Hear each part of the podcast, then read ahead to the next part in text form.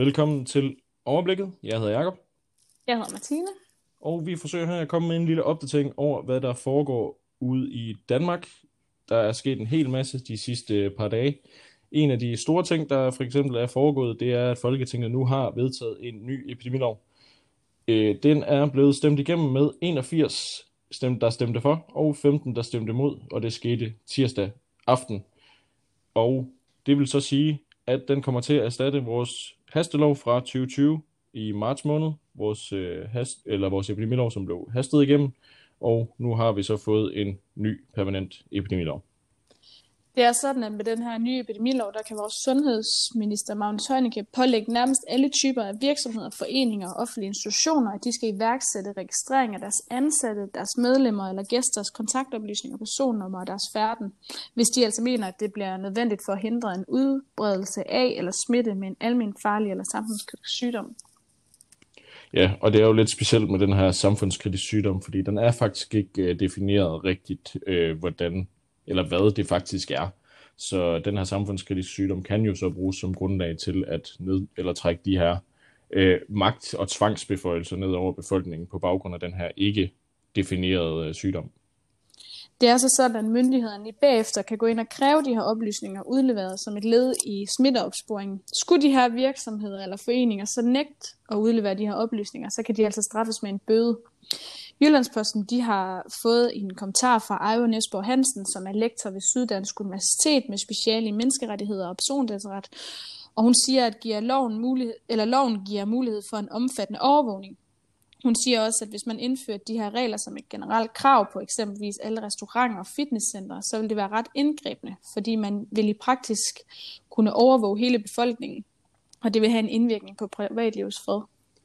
Altså jeg vil da også sige, at det vil da indvirke mit privatliv, at jeg, hvis jeg skulle ind og have brunch, at jeg først skulle hen til et bord og så overdrage mine personlige oplysninger, og så derefter først få lov, eller måske også en negativ test, som de nu snakker om på uddannelser, øh, for at få lov til at komme ind og spise.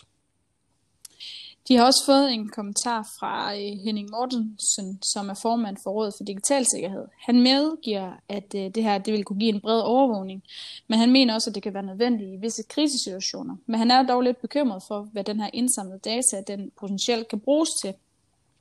Han mener, at når vi har, man laver sådan en register her, så vil man kunne se, om folk de har været til møde i fagforeninger, eller de har været i kirke, eller sågar har været på bordel. Og det er noget, de normalt betragter som noget følsomme forhold. Og med sådan et register her, der skal man være helt sikker på, hvad det specifikke formål er, og der skal være en snæver adgang. Øh, og derudover så skal alle data så være slettet på den anden side af en pandemi. Ja, og man kan sige, det er jo det, det mindste, det er, at vi sikrer os, at, at regeringen ikke ligger inde med den her data, når at den ikke længere er brugbar. Jeg kunne forestille mig, at der var nogle data, der var brugbare for regeringen i forhold til den her øh, smittespredning, og så er der noget, der ikke er relevant. Man kunne jo håbe, at der kommer et filter på, så det, som ikke er relevant for regeringen, at det ikke kommer ind til dem, og så i den anden ende, at man så sikrer sig, at personlige oplysninger ikke bliver liggende øh, derinde. Det er bare sådan, at det ikke er uddybet, hvordan de her data de hverken skal opbevares, eller hvordan de bliver beskyttet. Men der står dog, at øh, der skal sættes en tidsfrist på, hvor længe de her oplysninger de for eksempel kan være øh, på en restaurant. Jyllandsposten har også prøvet at få en kommentar fra sundhedsminister Magnus Heunicke, men det har desværre ikke været muligt.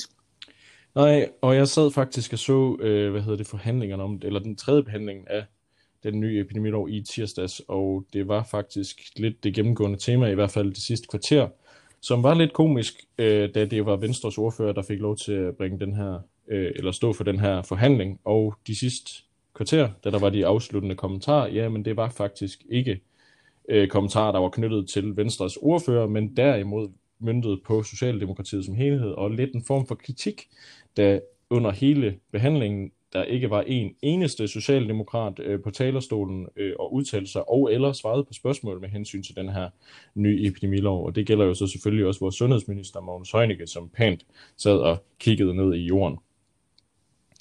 Politikken de skriver, at mens Folketinget de var i gang med at vedtage den her nye epidemilov, der stod der en gruppe utrættelige demonstranter igen ude på Slotspladsen foran Christiansborg og hamrede på deres potter og pander imod den her nye epidemilov.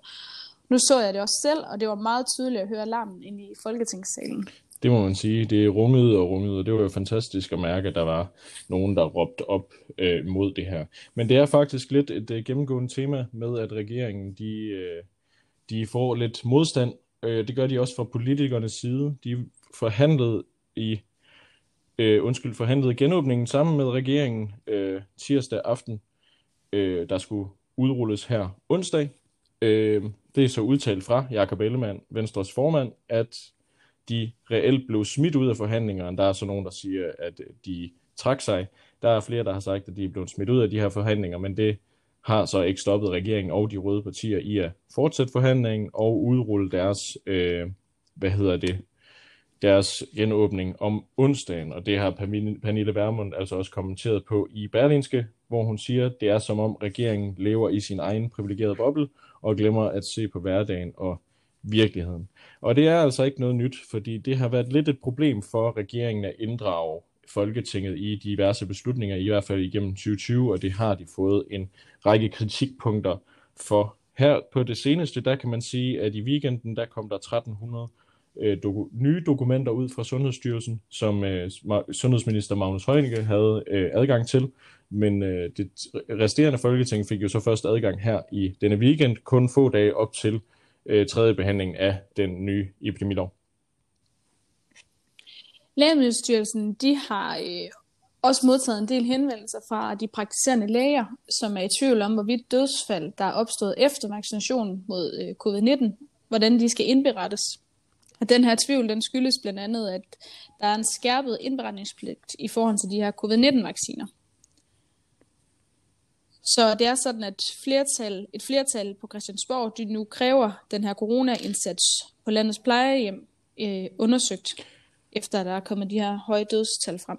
Og det kan man jo godt forstå, fordi den her, de her vacciner, der nu bliver udrullet, vi også øh, har snakket en smule om, nu kommer der også en, øh, en ny, eller der er kommet en ny, der hedder AstraZeneca, men de er altså kun betinget godkendt, og det betyder altså, at man formoder, at øh, ud, en hurtig udrulning vil være mere positiv, end at vente på de data, man mangler. Og man mangler altså data på de her bivirkninger, og det er derfor, der er den her skærpede indberetningspligt.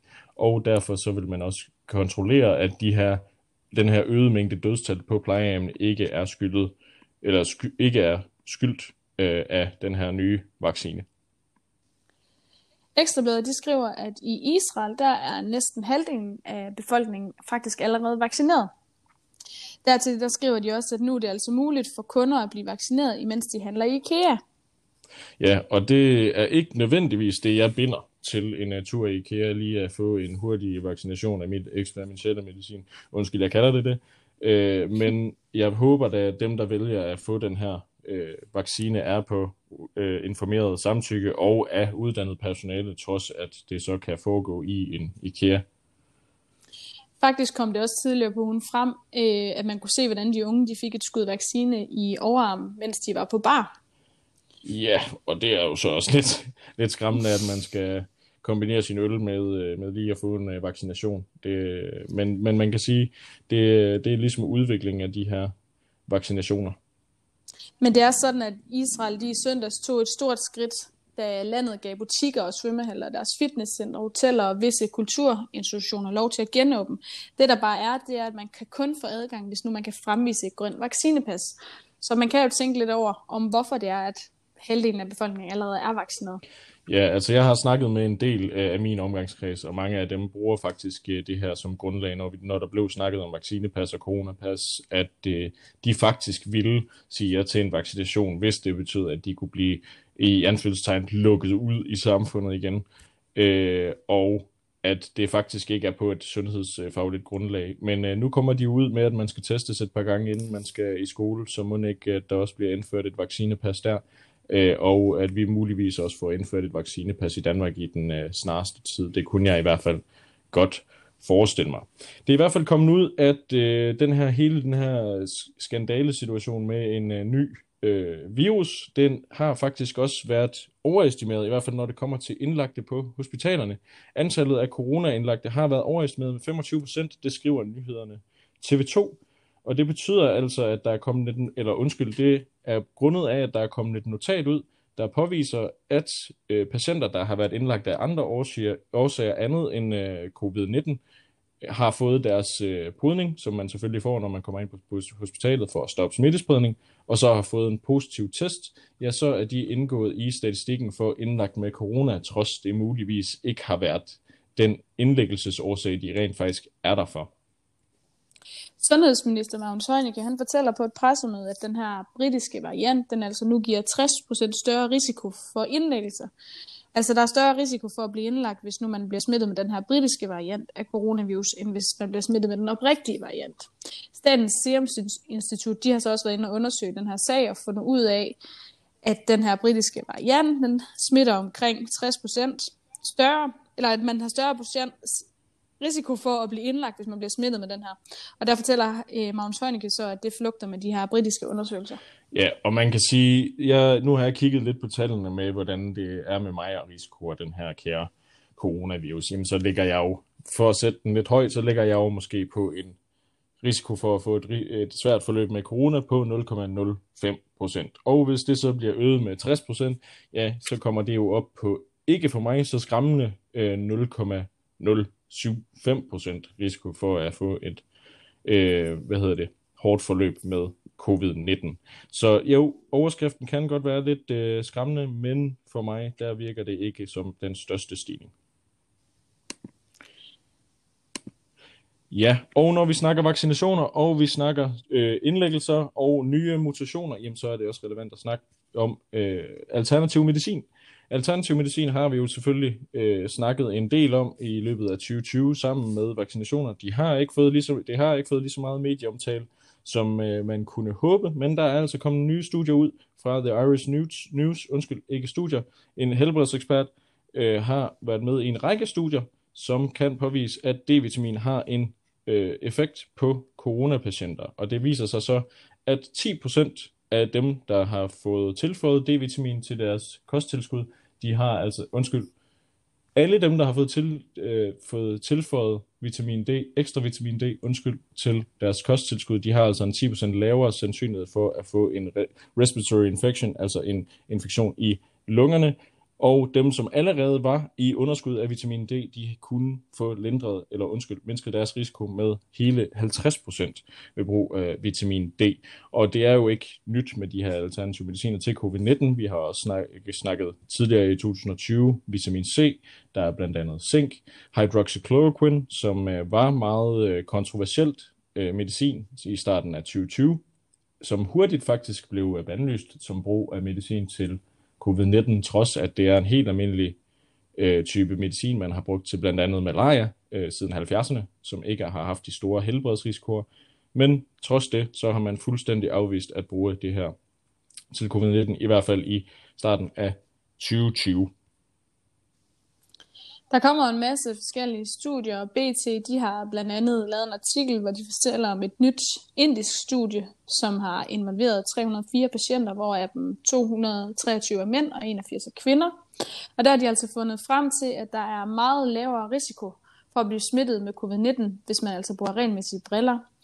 Forskerne de skriver, at patienterne de i gennemsnit rørte ved deres ansigt 23 øh, gange i timen, og deres øjne tre gange i timen, men det her det galt dog ikke de patienter, som bare briller. Nej, men jeg kan så også huske, at der var nogle øh, undersøgelser i 2020, hvor de for eksempel snakkede om, at jamen, altså, hvis du var over 180 cm høj, ja, så havde du altså dobbelt så stor sandsynlighed for at få coronavirus, da at øh, coronavirus typisk lå i de højere luftlag eller noget lignende. Forskerne de går så ind og, og også lige pointerer her, at det altså er ikke almindelige briller, som beskytter lige så godt, som hvis man for eksempel brugte sikkerhedsbriller. Men de almindelige giver også et vis niveau af beskyttelse. Så hvis nu, at du bruger briller regelmæssigt, jamen så kan det jo vise sig at være en fordel under den her covid-19-pandemi. Det kunne jo være, at man skulle ud og så finde et par, par briller øh, uden styrke, bare fordi, at man i stedet, ja, i hvert fald i stedet for at bruge mundbind, kunne man jo købe et par, et par briller uden styrke det vil også hjælpe på din risiko til for at få covid-19. Covid-19 har været på, øh, på vores læber i hvert fald i øh, et godt stykke tid nu, og i hvert fald siden starten af 2020, og øh, det har været meget omtalt, hvor den her covid-19 kommer fra. Det har sådan typisk stået imellem øh, det her omtalte øh, laboratorium i Wuhan, som faktisk øh, studerer udviklingen af coronavirus hos dyr, primært hos frugtflagermus. Øh, den anden mulighed er jo så at en mand, der skulle øh, nok købe noget aftensmad og var på et vådmarked i Wuhan og købte den forkerte flagermus, og, eller i hvert fald var i kontakt med den forkerte flagermus, og derved fik tilsnusket sig den her covid-19. Der er så en tysk professor øh, og en tysk forskergruppe i Tyskland, øh, og det er et helt team omkring professoren Roland Wiesendinger, undskyld hvis jeg ikke siger det forkert, han har altså afgjort, at den her covid-19-virus, den stammer fra et laboratorium i Wuhan, og den er altså menneskeskabt, menneskeskabt kan de øh, konkludere. Så det betyder altså, at det er bare fordi, at snakken er stoppet, så betyder det ikke, at forskerne er stoppet med at undersøge, så det viser sig så også, at det tyder på, at det er den her, det her laboratorium i Wuhan, som har været med til at sprede den her kære coronavirus. Og jeg tror, at øh, det var det, vi havde for jer, eller til jer, som opdatering i dag. Jeg hedder Jakob. Jeg hedder Martine, og tak fordi I lyttede med.